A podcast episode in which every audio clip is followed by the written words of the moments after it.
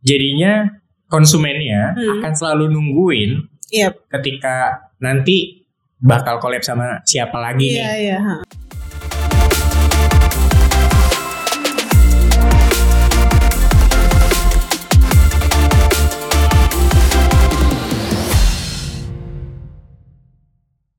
Hai Elvet Squad, welcome back to Elvet Podcast, tentunya di segmen E-pop, Elvet Pop.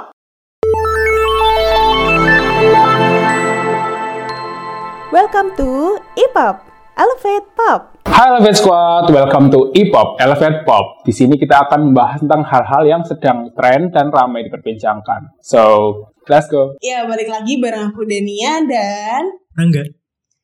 ya dan em, biasanya kan kalau kita setiap podcast kan ada dress code-nya nih. Ah, Kalau dress code kita kali ini apa ya? casual. Iya, pokoknya ya menjadi diri sendiri ya, bebas lah ya. Betul. Mm.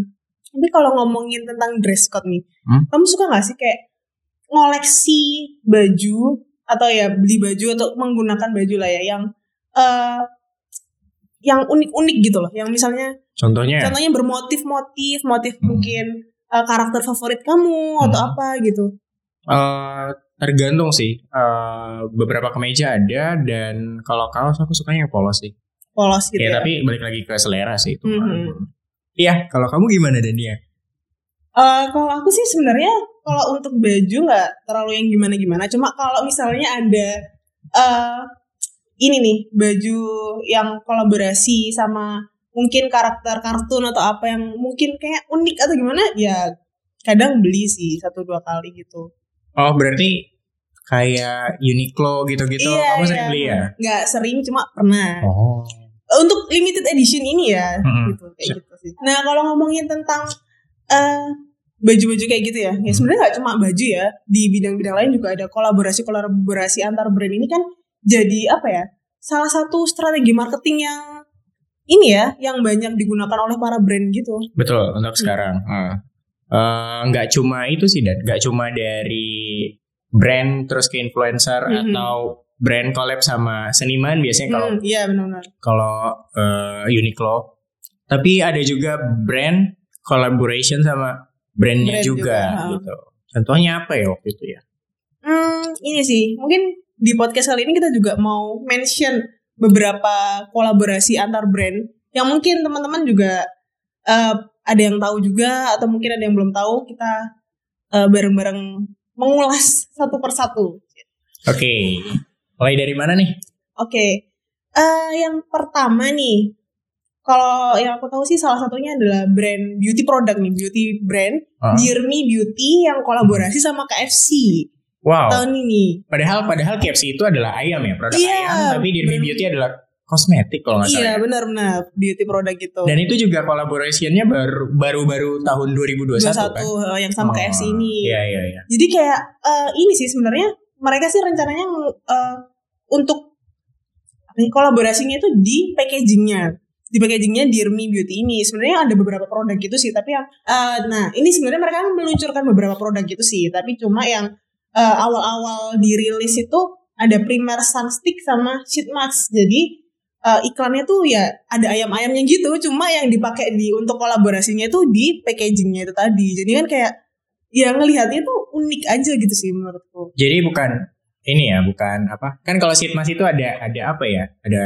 fragrance Hmm, juga kan? hmm, iya, iya. Siapa tahu fragrance ini apa? Ini ya crispy. bentuknya ini ya ayam atau warna coklat Iya, gitu betul. kayak gitu-gitu iya. Nah, tapi uh, kalau untuk Dear Me Beauty ini tadi itu nggak cuma di tahun ini aja yang kolaborasi sama brand makanan di F&B gitu kan, tapi juga di tahun-tahun sebelumnya itu mereka ternyata sering uh, kolaborasi sama beberapa, brand. Ada Nissin Wafer, terus ada juga Sasa sama Yupi gitu. Jadi kayak uh, ada produk-produknya tuh lebih ke ini ya. Promosinya tuh limited edition gitu juga Hmm. beberapa produk aja kalau yang Nissin Wafer ini kan uh, lip coat-nya ya. Eh, berarti eh, ini ngebuktiin bahwa apa ya strategi marketing brand kolaborasi dengan brand itu juga berarti apa ya sukses gak sih? Iya. Karena. Gak mungkin satu brand itu mengulangi strategi yang sama untuk dua atau tiga kali bahkan Dirmi ini sudah berkali-kali kan. Mm-mm, beberapa kali. Hmm. Dan meskipun memang brandnya juga dari bidang yang berbeda, Hmm. ternyata juga bisa menarik minat audiens juga ya. Iya, karena masing-masing brand itu punya apa ya? eh, segmentasi marketnya masing-masing. Iya, Jadi mungkin bisa disatuin dari situ. Mm-mm. Soalnya kalau emang dilihat-lihat, eh ya, dari packaging packagingnya tuh emang lucu-lucu sih. Maksudnya kolaborasinya ini menghasilkan packaging yang unik-unik. Kan Soalnya kan ada nih yang audiens yang mungkin beli karena packagingnya kan juga ada yang kayak gitu juga kan ya. Berarti ini sini packagingnya ini apa? Toples gini. ini baju Dania tiap hari. Selanjutnya Wow. Gucci X Balenciaga. Representatif Gucci mengatakan kalau ini bukanlah sebuah kolaborasi, melainkan hacking lab, di mana kreatif director Gucci ini sendiri, Alessandro Michel, bilang bahwa hmm, dia mengangkat elemen dari beberapa koleksi khas Balenciaga dengan seizin kreatif director Balenciaga saat ini. Dari ragam outer boxy oversize, jaket padat, dan puffy, siluet jam pasir pada blazer, semua dicampur dengan gaya Gucci. Oh jadi kayak eh, kolaborasi atau yang tadi dibilang hacking labnya itu Hmm. lebih ke elemen-elemen di produknya Balenciaga ini dipakai di Gucci gitu ya, di produk-produknya Gucci gitu ya. Iya betul Hmm. betul. Jadi uh, Gucci tuh apa ya kayak apa ya menggabungkan Gucci Hmm. dan Balenciaga, tapi ha. apa ya sudah minta izinnya dulu Hmm. dan itu yang khas dari si Gucci dan Balenciaga digabungin. Iya, ha, ha. Yang terkenal banget branding mereka yang tadi yang Iya. Gucci, Gucci yang flamboyan. Sama ya intinya uh, mereka inilah gabungan dari dua brand fashion raksasa gitu gabung jadinya bikin satu produk baru sih harusnya. Mm-mm. Lalu yang selanjutnya ada Supreme uh, X Oreo. Wah, ini nih. Ini dulu kan yang sempat pertama kali keluar langsung kayak heboh gitu gak sih? Yang batu bata itu bukan sih? Bukan ya? aku nggak ngikutin Supreme. Hmm. Aku nggak ngikutin Supreme. Sorry. Eh, aku juga nggak seberapa ngikutin sih. Cuma yang waktu collab sama Oreo ini kan sempat di share di mana-mana ya, ke share ke mana-mana. Jadi ya. Berarti gimana tuh Oreonya? Tidak diputar, dijilat, dicelupin dong? Diputar, dijilat, di auction, dilelang. ya, Supreme tahun 2020 mengeluarkan uh, kolaborasinya dengan Oreo. Itu berbentuk produk Oreo, berwarna merah, tapi logonya bukan logo Oreo, tapi Supreme. Uh, satu bungkus Oreo X Supreme ini dihargai sekitar 8 dolar per bungkusnya. 8 dolar loh. Isi 3 buah. Itu kalau dirupiahin jadi sekitar Kali sendiri aja ya. ya 100 ribuan gitu lah ya. Eh 100 ribu Wah. untuk 100 ribu untuk 3 Oreo. Ini enggak kalau misalnya apa untuk harga segitu kolaborasi Supreme sama Oreo bakal beli nggak? Eh Supreme itu terkenal Hmm. akan ininya sih, apa? Loyalitas dari apa ya? Bukan sih, karena dia brand yang udah besar jadinya kayaknya ada aja yang bakal beli deh. Hmm. Iya Iya. pasti sih kalau ini. Hmm. Semahal apa pun ya. Bahkan yang batu bata itu juga lebih mahal sebenarnya. Ada lagi suggestion buat kolaborasi brandnya Dania? Ada sih ini sebenarnya kalau lagi-lagi dari beauty product sama brand F&B. Ada Tony Moly sama Samyang. Wow. Jadi kan dulu waktu Samyang kan awal-awal sempat kayak yang heboh banget ya semuanya betul, Samyang dari yang varian rasa apa pun lah Samyang-Samyang gitu kan. Terus akhirnya si Tony Moly ini eh, ngelihat peluang dari terkenalnya Samyang ini gitu. Jadi kayak ngajak kolaborasi Samyang X Tony Moly Hot Edition Makeup Collection. Jadi ya dari cushion, puffnya, lip balm, lip tint. Nah nanti kalau kita beli produk-produk ini tuh kayak packagingnya tuh jadi kayak apa ya tempat cup ramen samyang gitu gitu. Jadi kan ya itulah menarik. Lagi-lagi kalau beauty product ini ininya ya packagingnya itu yang eh, unik dan lucu. Oke. Iya betul, karena kan segmentasinya eh, tergantung umur berapa ya. Kalau misalnya udah dewasa kayaknya nggak nggak mikirin ke situ, tapi kalau hmm, untuk sekedar limited edition harus sih, karena ha. mereka kan pasti kalau launching barang baru atau barang yang unik pasti ada PR package-nya. Iya benar PR. Oke, aku masih ada lagi nih Dania untuk Yes. brand collaborations di beberapa tahun belakangan. Hmm. Di 2021 tuh ada Milky X Uniqlo. Hmm, iya iya. ha. di mana Milky itu kita semua tahu dia adalah permen Yaps. dan Uniqlo adalah brand pakaian, Fashion clothing gitu. clothing, clothing. Di mana sebenarnya Uniqlo ini sering banget sih melakukan collab Hmm, dengan hmm. seniman pun dia Iya. sering banget. Eh, seniman Indonesia juga sering banget eh, untuk apa ya dijadiin kolaborasi sama Iya, mereka. Dan sekarang dia sama Milky. Kemarin kayaknya aku taunya dia sama Beauty 21. Iya itu. Wah ini antrinya panjang banget. Gila gila. Eh, sepanjang itu karena mungkin bawa Beauty 21 kali Iya ya. betul betul. Eh, terus selain itu juga eh, ini sih dia collab sama berbagai mangaka kayak Hmm. Jujutsu Kaisen, One Piece kalau nggak salah deh, One Piece juga dia kerjasama sama beberapa game kalau nggak salah. Jadi bajunya tuh banyak banget yang kolaborasi di Uniqlo. Dan di line up musim semi 2021 ini, para gamer khususnya memiliki banyak hal yang di- dinantikan karena Uniqlo telah mengumumkan kolaborasi besar dengan beberapa franchise video game Oh. termasuk Animal Crossing, League of Legends, Pokemon, dan Monster Hunter Rise. Iya sih. Oke, Ngelihat kalau misalnya di eh, banyak ya. Ini di Indonesia pastinya juga kan ya. Maksudnya kan banyak gamers dan penikmat Wibu. manga. Jepang- Iya, Jepangan. iya. Jepang-Jepang gitu. Heeh. Ya pastinya mengeluarkan ah, kolaborasi dengan game maupun yang Jepang-Jepang itu pastinya juga mendatangkan banyak ini ya, banyak. Iya iya iya, karena karena pertama official pastinya, Yaps.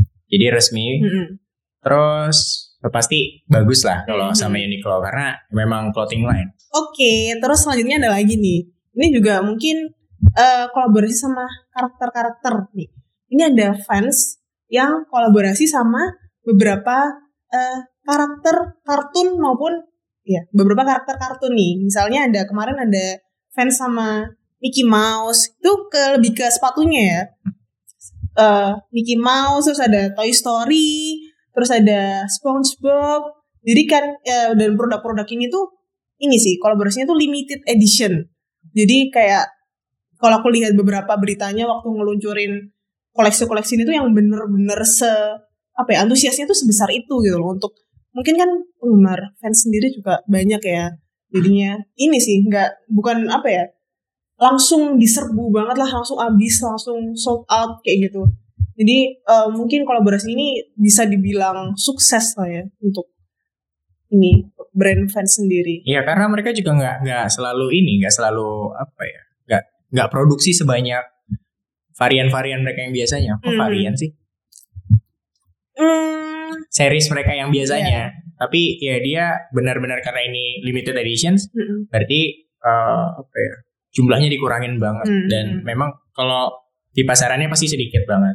Karena emang tujuannya untuk limited. Iya. dan collectible sih lebih Iya, tepatnya benar. collectible item. Selanjutnya dari masih ke platform clothing itu Pomelo X Barbie. Eh, Barbie ini pernah kolaborasi sama Pomelo di 2020 ya dan ya. Hmm, Iya. Eh, lalu karena sukses dilanjutkan, Mhm. dilanjutkan kolaborasinya dengan dengan item yang lebih banyak pastinya Iya.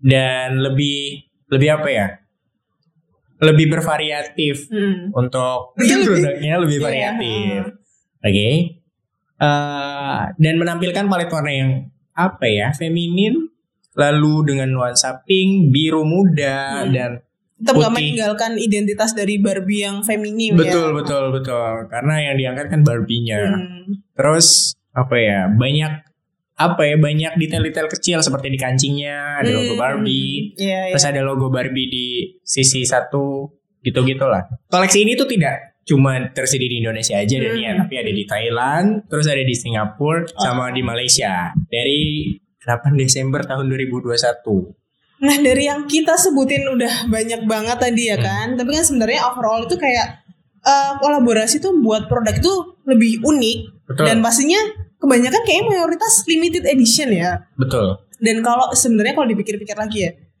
kolaborasi ini tuh udah ada udah sejak dulu banget dan ada beberapa kolaborasi itu yang mungkin kita tuh nggak sadar.